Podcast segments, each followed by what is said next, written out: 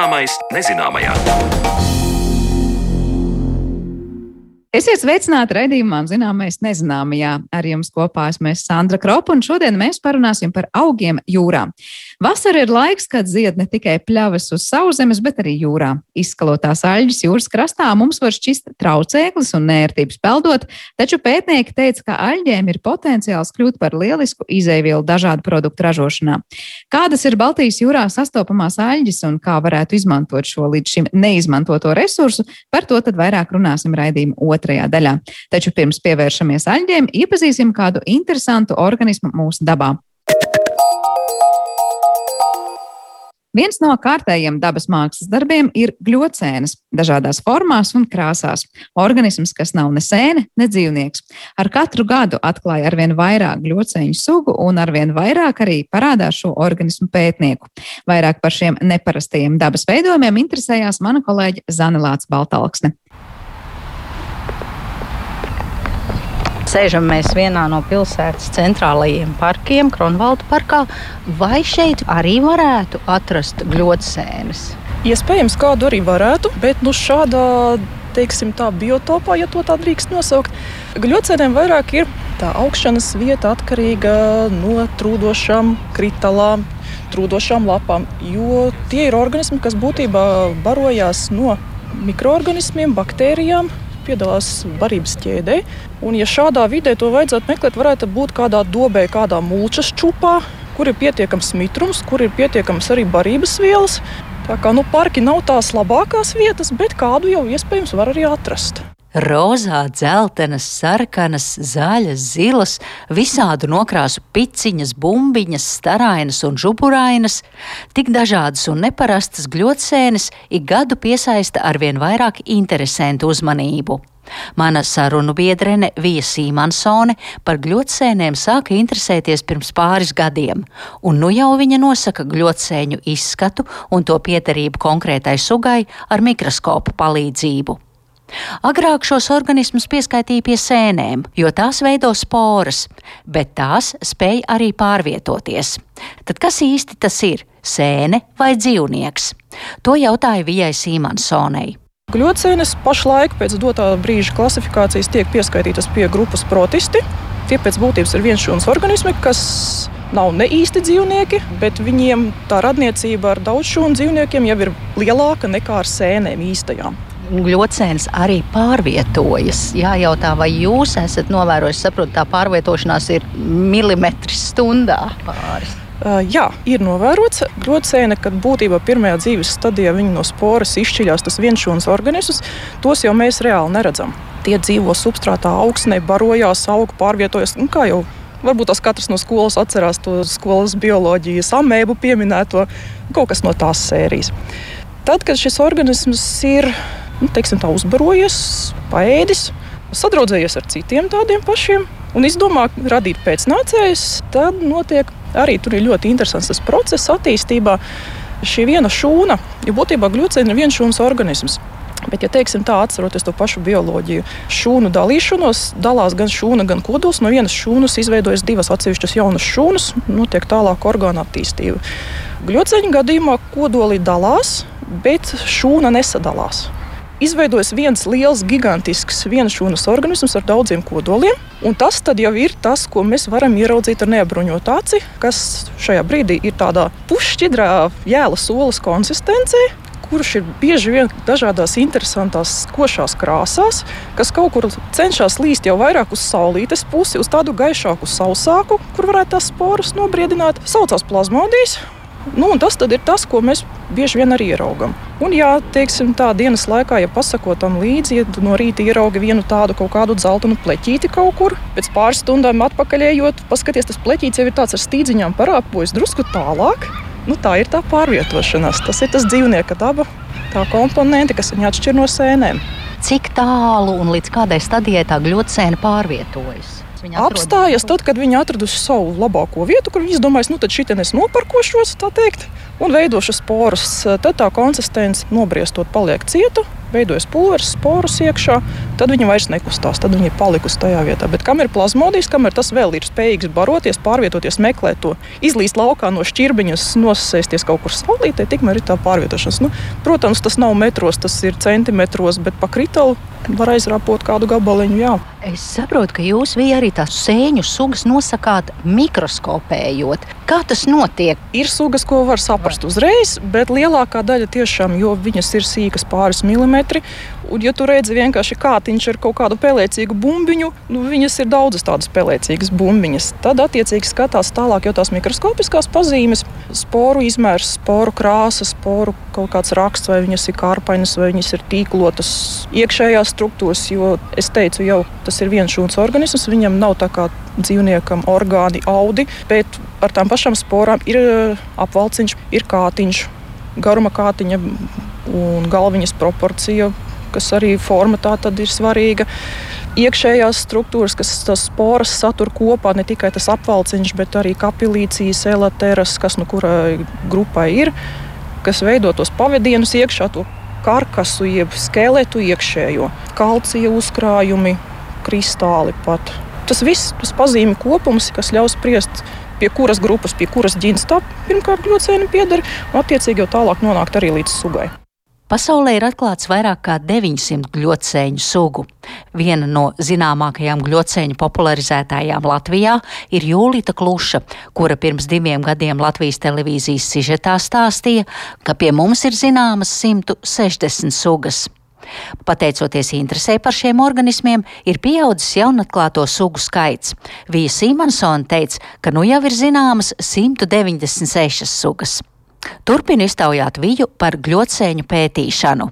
Lai noteiktu vai izpētītu kādu sēni, vai jūs ņemat to paraugu, vai jūs vienkārši nofotografējat, un pēc tam mājās to attēlu skatāties? Kā? Nu, pirmais ir nofotografēt. Svarīgs arī substrāts, uz kā viņa aug, tā kopējā vieta, kas tur vispār notiek. Vai tā ir slapja vieta, vai tā ir sausa, vai tā ir uz koksne, lapas, kaut kādas tāda veida nobirs. Tas ir būtiski arī noteikšanai. Tiek ievākts paraudziņš, neliels gabaliņš un tas tiek tālāk mājās pētīts. Jūs esat par godu šai intervijai sagatavojusi arī paraugus. Es skatos mazākas par sērkociņu kārbiņām, baltas papīra kastītes, un tur ir datums, jūsu vārds un kaut kas nu, latīņu valodā. Tas, ne? ir, tas ne. ir nosaukums, cik nu tālu viņš ir zināms, vai nu pilnais nosaukums, vai tikai ģiņas nosaukums. Datums šis ir attiecīgi atzīmēts, kurā brīdī ir ieziņots dabas datos, jo dabas datos paliek arī novērojams ar konkrētām koordinātām, jau ar aprakstu, substrāts, biotops un tā tālāk. Tā. tā ir viena no trījiem. Ļoti skaistā spožu stadijā, koši, koši, dzeltena oranža. Šī ir kāda no tām blīvi augošajām bez kātiņa. Iespējams, nelīdzenā trījie, trījie skabra. Bet nu, tas būtu pēc sporām vēl jāpārbauda, jo tur pāris līdzīgas sugas. Skatos uz koka mīsas, tā kā nu, tāds sīks, sīks, smalks, smalks iedzeltens porlons. Krāsa ir koša, redzēt, var jau pa gabalu. Šī ir no tām viegli atrodamajām sugām. Vija arī atver klēpjdatoru un rāda man košus attēlus ar gļotsēni, kura izskatās kā zilganas ogas dzeltenos kātos. Pateicoties šim izskatam, gļotsēne ir tikusi pie nosaukuma vīnokķekaru Bathāmija. Sākotnējais latviskais nosaukums bija spīdīgā pūšļa Bathāmija. Tad kāds uh, Facebook grupā gļotsēņa apbrīnotajiem pētniekiem bija ielicis tādu postu līdzīgu, un kāds bija nokomentējis, nu, cik skaisti vīnogu ķekari. Nu, tā tas nosaukums arī radās.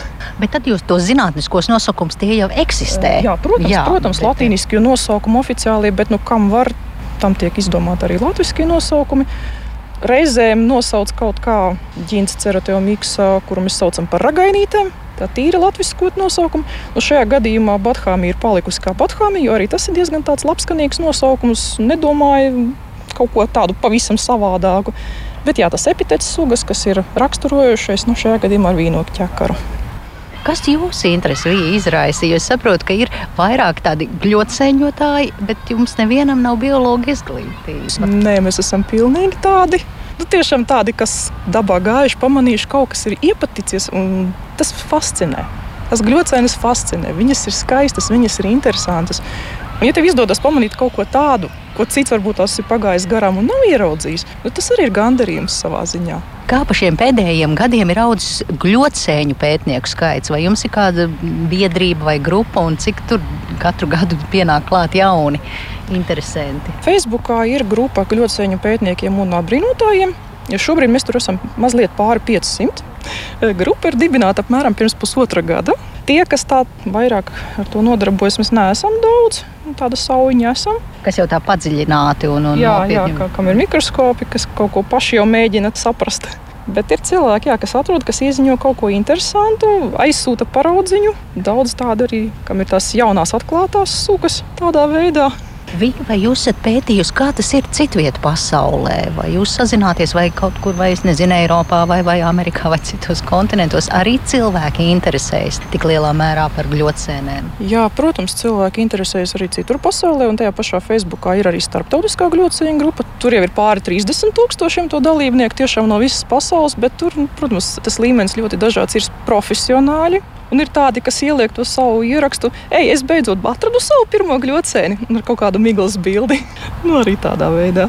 Bet es saprotu, ka proporcionāli pieaug šo pētnieku skaits, līdz ar to arī jaunu sugu atklāšanas. Jā, nu, tā ir tā šī brīža tehnoloģiskā laikmeta priekšrocība, ka ir tāda iespēja ielikt kaut ko, un tas aiziet pa visu pasauli. Kāds pasakā, jā, tādu es esmu redzējis, tas ir tas un tas. Tādā veidā, protams, ir profesionāļi, kas, kas ar to profesionāli nodarbojas, kas strādā laboratorijās. Kļūcēnas var atrast jebkurā gada laikā. Protams, ziemā ir jārēķinās, ka tās dus zem sniega segas. Īstens gļocēņotājs ir bruņojies ar lupu, fotoaparātu un vērīgu aci. Bet, kā teica Vija Sīmansone, nav jābūt ekspertam, lai pamanītu tās biežāk sastopamās un lielākās sugas mūsu mežos. Piemēram, vilkpienainas, kas atgādina mazus pūpēdīšus, vai ragans viestas, kas izskatās kā dzeltens porlona kažociņš uz kāda koka kritalas.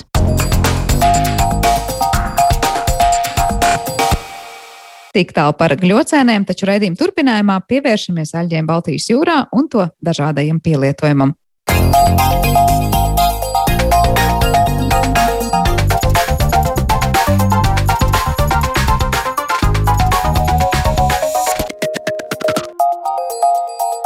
Zināmais nezināmajā. Viena no mūsu jūras bagātībām, kur vēl neesam iemanījušies izmantot pienācīgi, ir aļģis. Pētnieki meklē aļģu pielietojumu dažādos veidos, sākot ar pārtiku un lauksaimniecību un beidzot ar iepakojumu un kosmētiku. Turmākajās minūtēs mēs skaidrosim, kā tas varētu izmantot, un tieši tāpēc studijā es sveicu gan Koksnes ķīmijas institūta pētnieku un ķīmijas zinātņu doktoru Oskaru Bikovenu. Labdien! Labdien! Kā arī attālināti telefoniski mums pievienojas Ieva Bārda, tad, bioloģija un Latvijas Hidroekoloģijas institūta pētniece. Sveiki, Ieva! Labdien! Varbūt sākšu pirms ar ievu, proti par to, kas tad īsti ir makroaļģis. Proti, es saprotu, mēs jūrā runājam par ļoti dažādām, par mikroskopiskām un arī lielākām makroskopiskām, tādas vairāk saskatāmas un sataustāmas. Ja mēs runājam par jūru kā aļģiem, bagātību un neizmantoto resursu, par kurām aļģēm mēs īsti runājam, vai mēs tās varam novērot arī laikā, kad atpūšamies pludmalē? Nu, jā, kā jau tu minēji, makroaļģes ir tās, kas ir uh, ar aci saskatāmas, kas ir um, augi um, un uh, novērojamas gan izskalotas jau piekrastē, uh, bet principā uh, makroaļģes mums Baltijas jūrā aug piestiprinoties cietam substrātam. Un ir gan sastopamas gan viengadīgas, gan daudzgadīgas makroaļģu sugas. Tātad viengadīgās būs tās, ko mēs vienmēr redzēsim izskalotas jūras krastā, vai ne obligāti. Arī tās daudzgadīgās dažkārt nonāk līdz, līdz tām vietām, kur mēs sakām, nu tie tādi jūras mēsli vien ir. Vai aļģis tās labās, tās vajadzīgās ir kaut kas pilnīgi cits? Nē, tā arī ir. Mēs varam uh, sastapt gan viengadīgās, gan daudzgadīgās, jo viņas tā kā augu substrāta um, um, uz akmeņiem piestiprināšās, viņas ar, ar, ar viļņiem, ar ar vēju tiek norautas um, un līdz ar to ar straumēm izskalotas piekrastēs. Bet uh, tās jau ir tādas jau um, vairs ne, teiksim, augošas uz priekšu dzīves, bet tās, kas jau ir, um, kas pamazām sadalās un tālāk izmantojams vai, vai tur kompostam izmantojams vai vēl kaut ko, bet tādas kā dzīvotnes dabīgas ir uh, mums Baltijas jūrā un arī Rīgas līcī. Um, uz akmeņu rifiem augošas ārģes. Un tad, ja tās uh, dzīvojošās, uh, uz rifiem augošās, mēs runājam par brūnaļģiem, par zaļaļģiem vai kādām konkrētām Jā. sugām, un kuras ir tās populārākās? Tātad mums ir, mēs varam tā trīs lielos iedalīt zaļaļģes, sārtaļģes un brūnaļģes, un principā viņas arī tie nosaukumi visām viņām saistīti ar viņu krāsojumu. Un uh, visas no viņām ir gan viengadīgas, gan uh, daudzgadīgas aļģes, bet, uh, protams, uh, visvairāk vai visnozīmīgākās sugas uh, Baltijas jūrā ir šīs daudzgadīgās makrāļģes, uh, pūšļu fuks, brūnāļģe un uh, sārtaļģe uh, furcelārija. Un uh, tās ir, protams, uh, ne tik, cik mēs, viņas ir ļoti svarīgas kā nāsta vietas uh, mūsu uh, Baltijas reņģei un uh, par cik tur viņas veido tādas blīvas un daudz, uh, daudz struktūrālas audzes, tad viņas uh, tur ir gan zivju mazuļu slēpšanās vietas, gan arī barošanās vietas. Uh, nu, ļoti svarīgi uh, tādi ekosistēmas. Uh, pakalpojumi, jā, kā šis tas jā, svešais vārds. Proti, jā, labums, jā, proti, proti labums, ko jūra sniedz, un proti tātad šīs te brūnāļu un cārtāļu audzes pavisam noteikti kaut kur tālu zem ūdens mūsu acīm varbūt nesaskatāms patiesībā ir ļoti, ļoti svarīgi jūras, nu, vidas sastāvdaļa, lai tās zivis tur būtu, lai pārējie organismi tur būtu un lai viss tas vidas stāvoklis būtu labs. Bet es jautāšu tūdaļ Oskaram šeit studijā. Es saprotu, ka jūs esat vairāk pētījuši, nu, ko tad ar tām aļģēm īsti var labu izdarīt un kā tās likt lietā, kuras no šīm ievas nosauktajām brūneļģiem, sārtaļģiem vai zaļaļģiem esat nu, jūs atraduši kā tādu potenciālu, kur vēl daudz ko interesantu var izdomāt, ko ar tām darīt?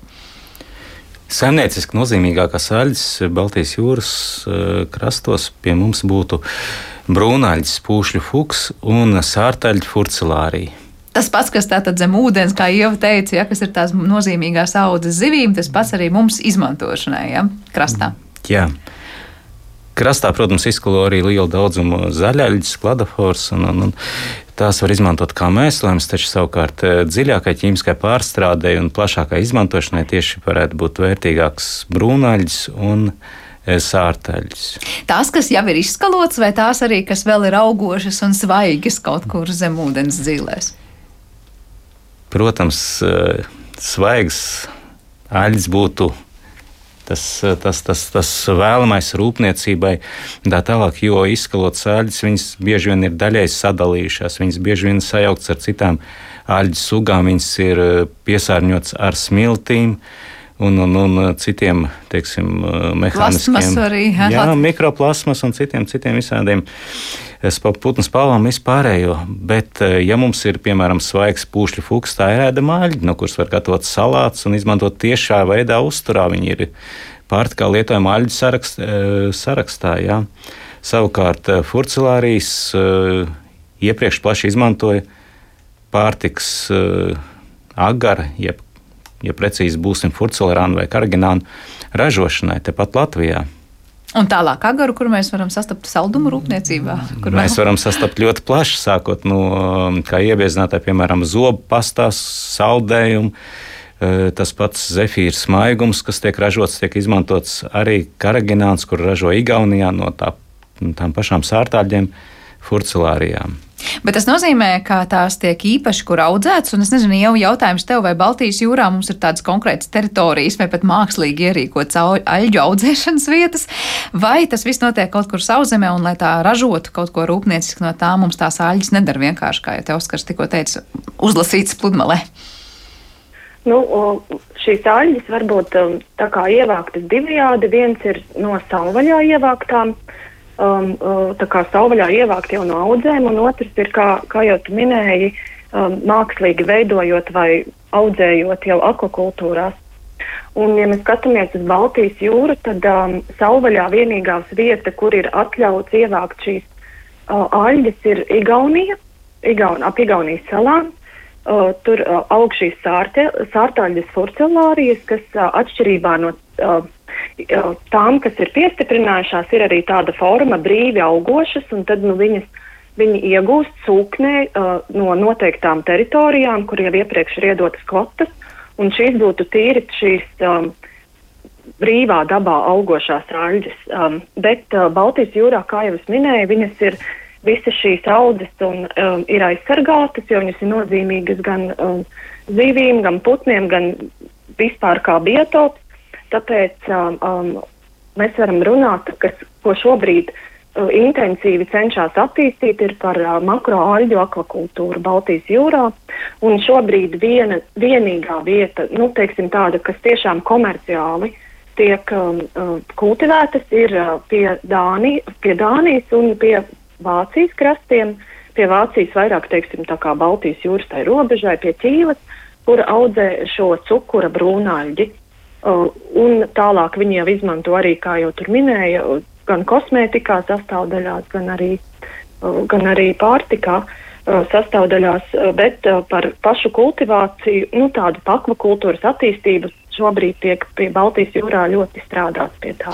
Bet vai Baltijas jūrā visas vietas būtu piemērotas šo aļģu augšanai? Es iedomājos, nu Dānijas krasta, Vācijas krasta ir viens sāļums un, un nosacītā vide, uh, savukārt Rīgas līcis vai tepat mūsu kurzemes piekrasta ir kaut kas pavisam cits, vai pie mums pietiktu sāļums un visa temperatūra un nepieciešami apstākļi, lai tās audzes te veidotos labas? Ja mēs runājam par akvakultūru, ja? Jā. Uh, tad, nu jā, kā jau principā ir tā, ka, lai makroaļas varētu veiksmīgi attīstīties, viņiem vairāki faktori vidas vajadzīgi.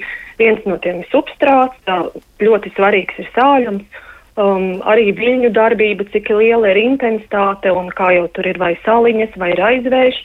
Un, uh, līdz ar to uh, tā šobrīd um, nu, tāda visveiksmīgāk uh, uh, pēc sāļuma būtu attīstī, attīstīta tieši Baltijas jūras dienvidaļa, bet tāpēc skatās, lai būtu um, vairāk piemērots arī visā Baltijas jūrā, tad uh, šobrīd cenšas attīstīt šīs daļaļģes, ūvas, um, akvakultūru uh, jūrā, ja mēs tieši runājam jūrā, jo uz uh, pie, uh, krastā ir jau dažādi tankos tiek audzētas aļģes. Un arī uh, pūšļa fuka uh, akvakultūras tādas uh, tā kā mm, tehniskos risinājumus.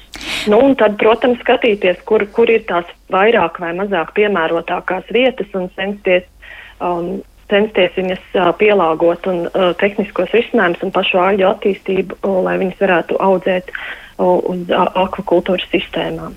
Par... Bet es, jā, jā. Nē, es gribēju pieminēt, ka jā, šobrīd tas ir uh, nu, tāds izaicinājums, pie kā cītīgi strādā un skatās, jo uh, varbūt atsevišķās vietās tā būs tā kā uh, vairāk, uh, piemēram, Igaunijai vai Zviedrijai, kur ir saliņas un dažādi arhipelāgi būtu tieši uh, labāk piemēroti, bet uh, krasti, kur ir kā Latvija, Lietuva, un arī vietām Polijā, kur ir, um, kur ir intensīva viļņu darbība un vējš, tur jau būtu vairāk uh, skatās, piemēram, piemērotas tādas kā atklātās daļās, kā ir kā, um, um, piemēram, Ziemeļjūrā vai, vai tālāk. Audzēšanas sistēmas.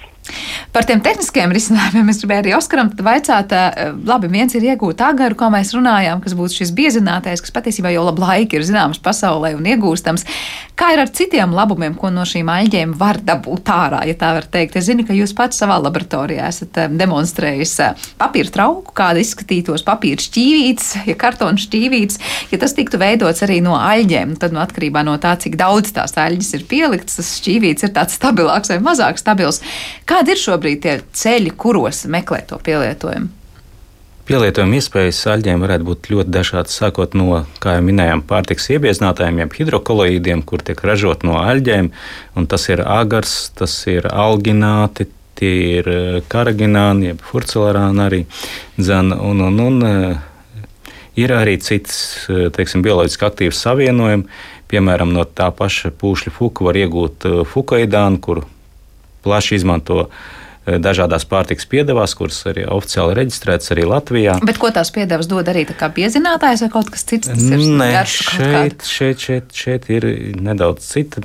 Bioloģiskā iedarbība apmēram varētu skaidrot, ka ir līdzīga kā heparīnam, respektīvi viņi eh, darbojas kā polielektrolīts, kas saista eh, metāla jonus un, un, un teiksim, viens no tiem, tiem, tiem, tiem potenciāliem izmantojumiem kur mēs arī esam pārbaudījuši, kā pārtiks piedevu. Piemēram, viņš aktivizē dažādas enzīmes, dažādas gremošanas enzīmes, piemēram, lingvālās iekalu amilāzi, kā arī citas lipāzes, teiksim, tā tālāk, respektīvi veicina gremošanu, un tas būtu svarīgi, piemēram, senioriem, kuriem ir malasorpcija un tā tālāk, tātad, kuriem ir problēmas ar pārtiks uzsūkšanu. Un tas būtu viens no pētījuma virzieniem, jo pagaidām gan uh, Fukaidāna neizmanto farmācijā. Ja? Respektīvi, viņš tiek intensīvi pētīts, un, un tie rezultāti ir diezgan daudz sološi. Savukārt, ja mēs runājam par to pamatmasu, pamatmasa mums sastāv galvenokārt no polisaharīdiem, un viņi ļoti labi savietojami, piemēram, ar uh, celulozi. Līdz to mēs varam veidot dažādas iepakojuma materiālus, dažādiem mērķiem. Aļģis gadsimtiem ilgi ir izmantotas lauksaimniecībā, jo viņi satur vērtīgus uh, barības elementus, tādus kā slāpekli, fosforu, kāliju. No vienas puses, no otras puses, te ir daudz polisaharīdu, un mēs varam veidot šādus šķiedru materiālus, kuri saturēs attiecīgi barību elementus, un tādā veidā mēs varam E, radīt jaunus, inovatīvus materiālus, piemēram, priekš mūsu lauksaimniekiem. Priekš Angliski man patīk šis vārds - hobby gardening. Ja? Nu, tātad visiem, kuriem patīk rušināties dārzā, patiesībā varētu būt produkti, kas būtu no aļģiem veidoti un diezgan derīgi. Es pareizi saprotu, ka te ir stāsts, kā aizvietot, piemēram, šobrīd šos populāros kūdras podiņus, kas ir kā stādiem, tad, kad mēs iestādām ar visu un atstājam zemē, ka no aļģiem varētu būt veidot šāds materiāls, un tas tam augam nāktu vēl vairāk par labu. Jā, tieši tas ir viens no teiksim, tiem pētījumu virzieniem, jo kūdras krājumi Latvijai ir ļoti liela no vienas puses, no otras puses kūdra ļoti lēni atjaunojās. Jā, līdz ar to mums ir jātērē savu kūdras krājumu pārdomāt. Savukārt aļģes mums katru gadu tiek izskalotas lielos daudzumos, un šī tā iespēja aizvietot kūdru ar aļģēm.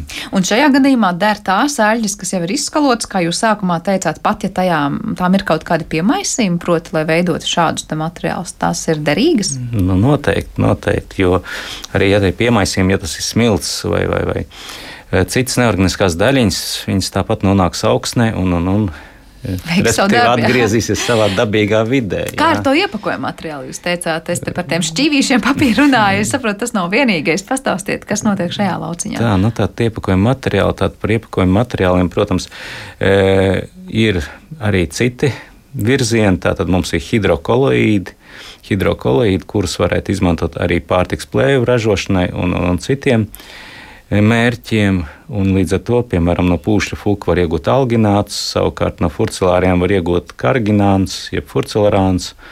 Un, un, un attiecīgi viņus padarot par nešķīstošiem, piemēram, ar eh, kalcija ioniem vai, vai citādi auglējot, var iegūt eh, plēves, kuras varētu būt piemērots pārtiks produktiem, kā iesaiņojuma materiāls. Ja, viņš dabā būtu pilnīgi bioloģiski sadalāms, un tas būtu tāds liels pluss viņam.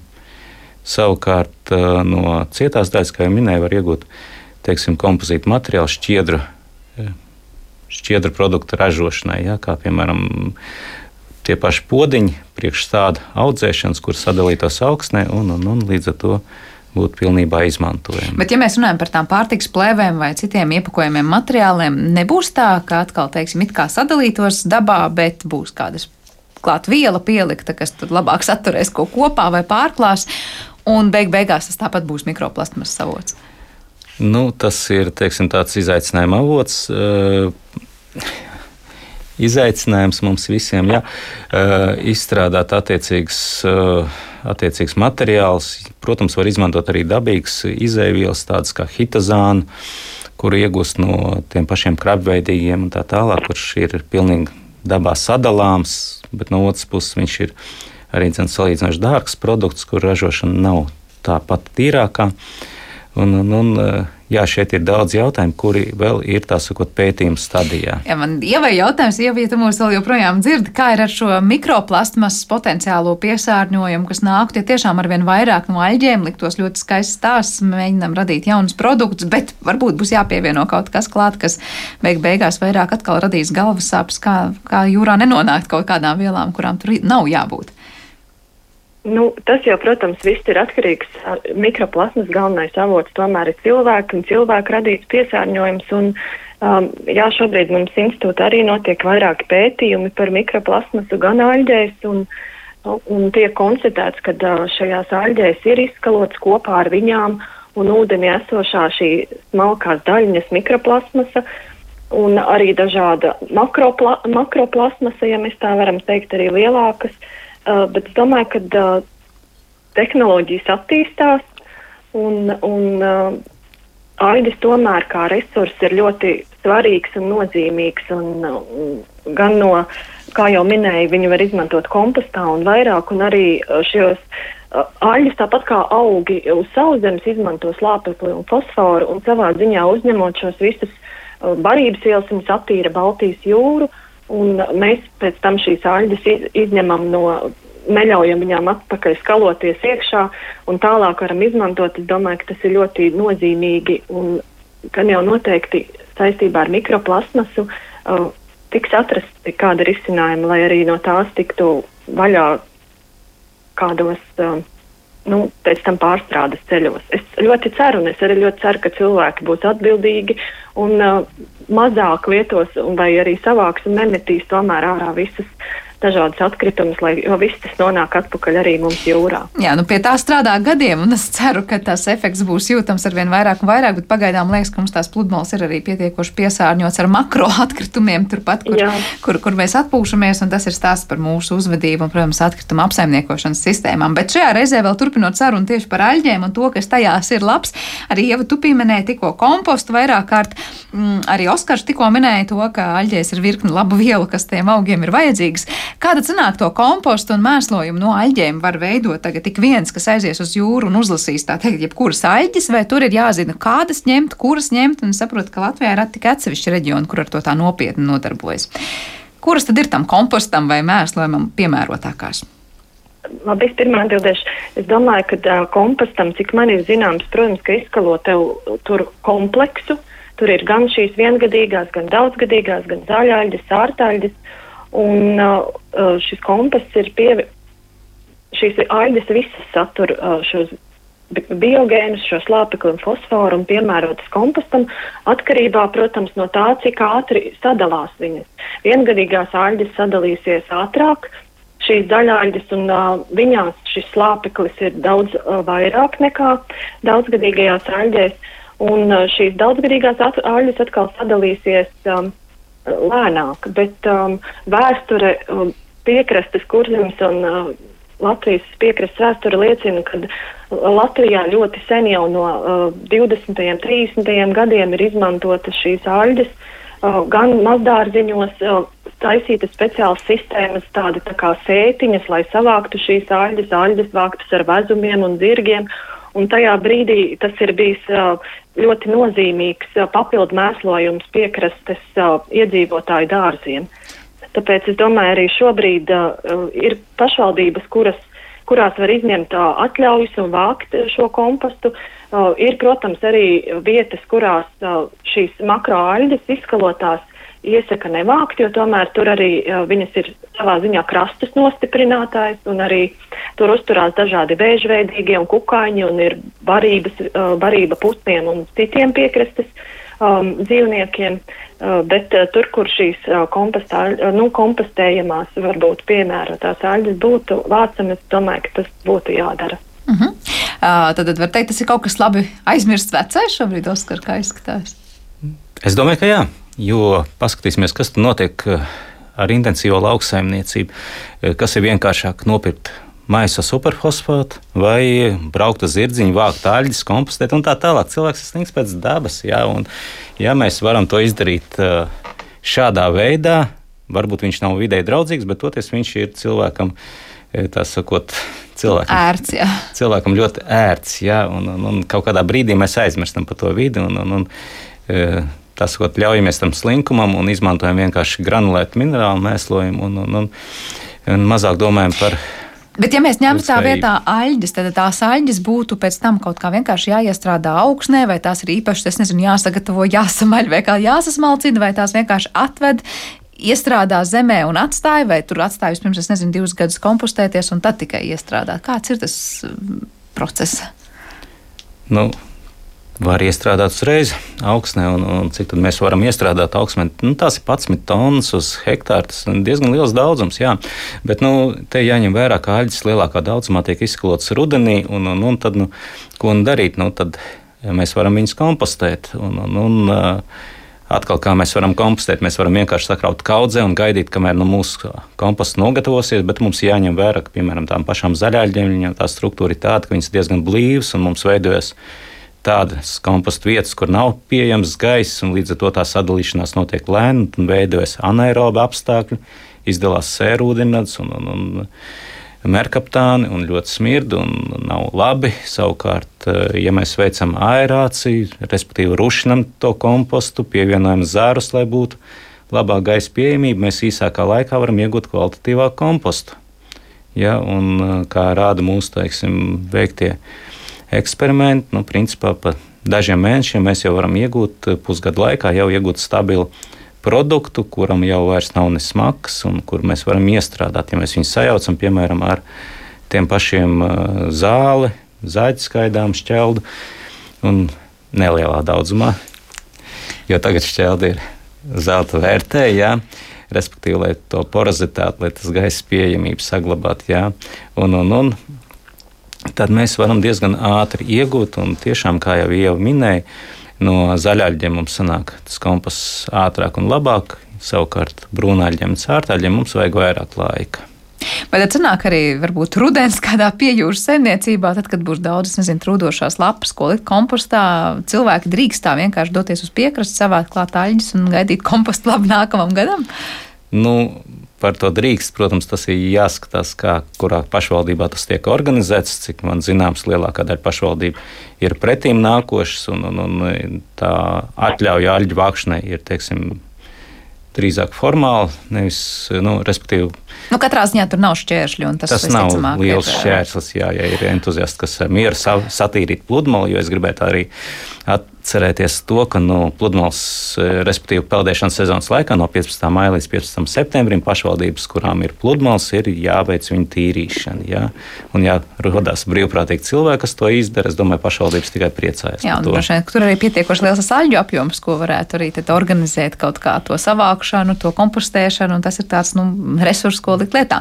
Ieva, vai būs kas piebilstams par to, kurās vietās drīkst un nedrīkst, un kurās labāk nevajag? Tu pirms tam minēji tos krastus vai vēžveidīgos, kas barojās, vai ir kaut kāds jau, nu, es nezinu, vadlīnijas klausītājiem, kur pateikt, kurā Latvijas vietā ir tās vietas, kur noteikti tās aļģis būtu vērts atstāt pludmalē?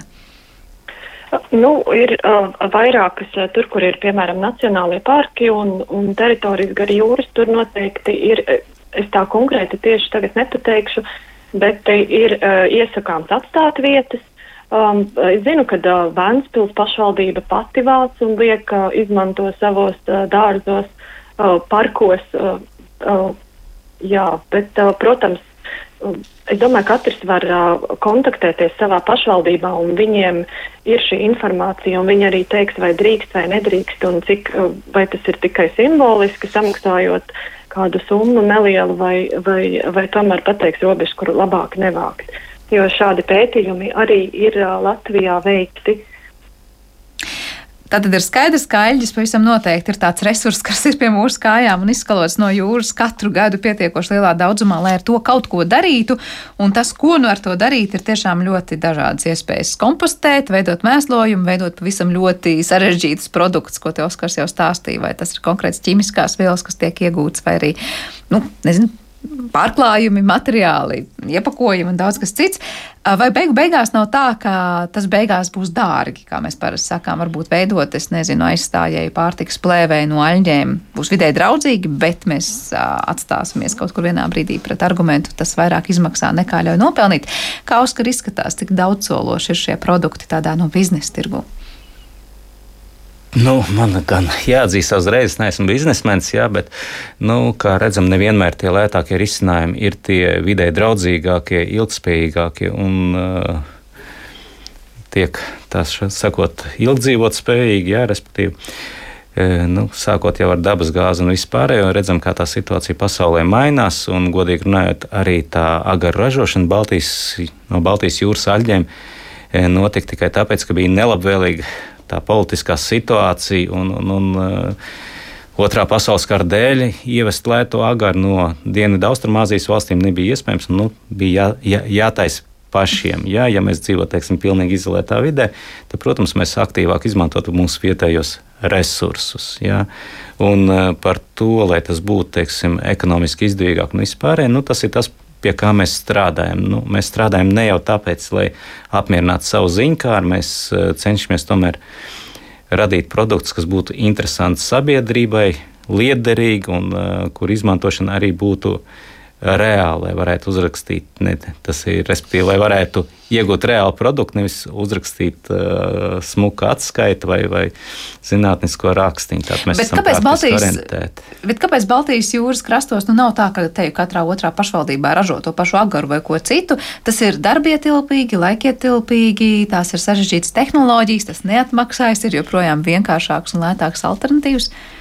Nu, lētāks alternatīvs, uh, piemēram, šī gadījumā ir iepirkt uh, to austrumu Āzijas valstu ražoto, ražoto agaru un ko nebūtu. Respektīvi, tā ir konkurence, ja tirgus ir uh, gana piesātināts no vienas puses, no otras puses iedzīvotāju populācija aug. Tas nozīmē, ka uh, vajadzība pēc resursiem arī pieaugs, tātad, respektīvi, perspektīva ir. Ja. Nu, tas ir viens, nu, ko mēs vēl varētu šeit piebilst. Ja.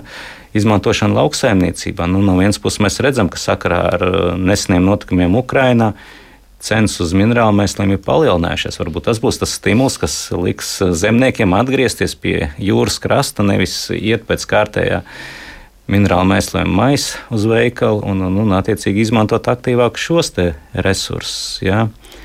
Tā tad, nu, Nu, katrā ziņā izklausās tāds ļoti ilgspējīgs risinājums, tas, ko piedāvā Aļģis. Jautājums, vai tajā brīdī konkrētā situācija un konkurence ir tādos apstākļos, lai to izvēlētos kā to izvēli numur viens, ja, vai tas ir ērtības ziņā vai izmaksu ziņā. Bet uh, arī no jūras vidas stāvokļa raugoties, es ievā klausoties, sapratu, ka tās aļģes patiesībā mums būtu ļoti, ļoti labi, ja mēs gan audzētu tur, kur tās ir jāaudzē, gan izmantotu tur, kur tās tiek izskalotas. Un patiesībā, ja mēs runājam par makro aļģiem, tad tās Baltijas jūrā ir nu, tas labais un nepieciešamais stāsts. Jau tā ir. Jā, es pilnībā piekritīšu. Ļoti labi teikts. Un uh, vēl tikai piebildīšu, ka uh, Eiropas komisija ir šī āļu audzēšanu uh, kā, uzsākusi un tādu visaptverošu un uh, dažādu, uh, dažādu sektoru āļu iniciatīvu, jo šī āļu audzēšana ir viens no tās teikt, zilās bioekonomikas um, sektoriem. Un, uh, un, un tiešām tas mērķis ir gan palielināt šo aļģu ilgspējīgu ražošanu, un, un, un arī nodrošināt drošu patēriņu. Un arī, kā jau jūs tur uh, minējāt un diskutējāt, uh, veicināt dažādu jaunu produktu izmantošanu Eiropā, jo ir valstis, kur ir uh, šīs aļģes tiek, ir tomēr vairāk pārtikā izmantotas un uh, uh, gan pārtikā, nu, vairāk apritē bijušas un ir valstis kā pie mums, kur tomēr mēs esam vairāk vērsti uz citu jūras resursu, piemēram, zivīm. Bet, protams, šis ir noteikti svarīgs pro produkts, ko mēs varam izmantot uh, no jūras, ko jūra mums sniedz un uh, samazināt gan Baltijas, jūru, nu, Baltijas jūrā eitrofikācijas negatīvo ietekmi un, un uh, savā ziņā arī iegūt paši. Jā, un izmantot to, ka mums ir šie vairāk simti kilometru garā piekrastes līnija, kas citām valstīm nav, un tas jūras dārgums mums tiešām ir jānovērtē no visām pusēm. Paldies jums abiem par šo sarunu, un es atgādināšu, ka telefoniski ar mums kopā bija Latvijas Hidroekoloģijas institūta pētniece bioloģija Ieva Bārda, kā arī šeit studijā Koksnes ķīmija institūta pētnieks ķīmijas zinātņu doktors Oskars Bikovens, un eh, mēs runājam šoreiz par to, kā likt lietā to, kas mums jūrā aug, šīs te makro lielās aļģes, un kuras patiesībā mums savus labumus sniedz ik uz soļa. Ar to arī raidījums ir izskanējis. Paldies par klausīšanos, un šo raidījumu producēja Paula Gulbinska par mūziku gādāja Girds Bišs, Reinis Budzebijs, skaņu režijā un es Sandra Kropa studijā. Mēs tiekamies jau atkal rīt. Visu labu!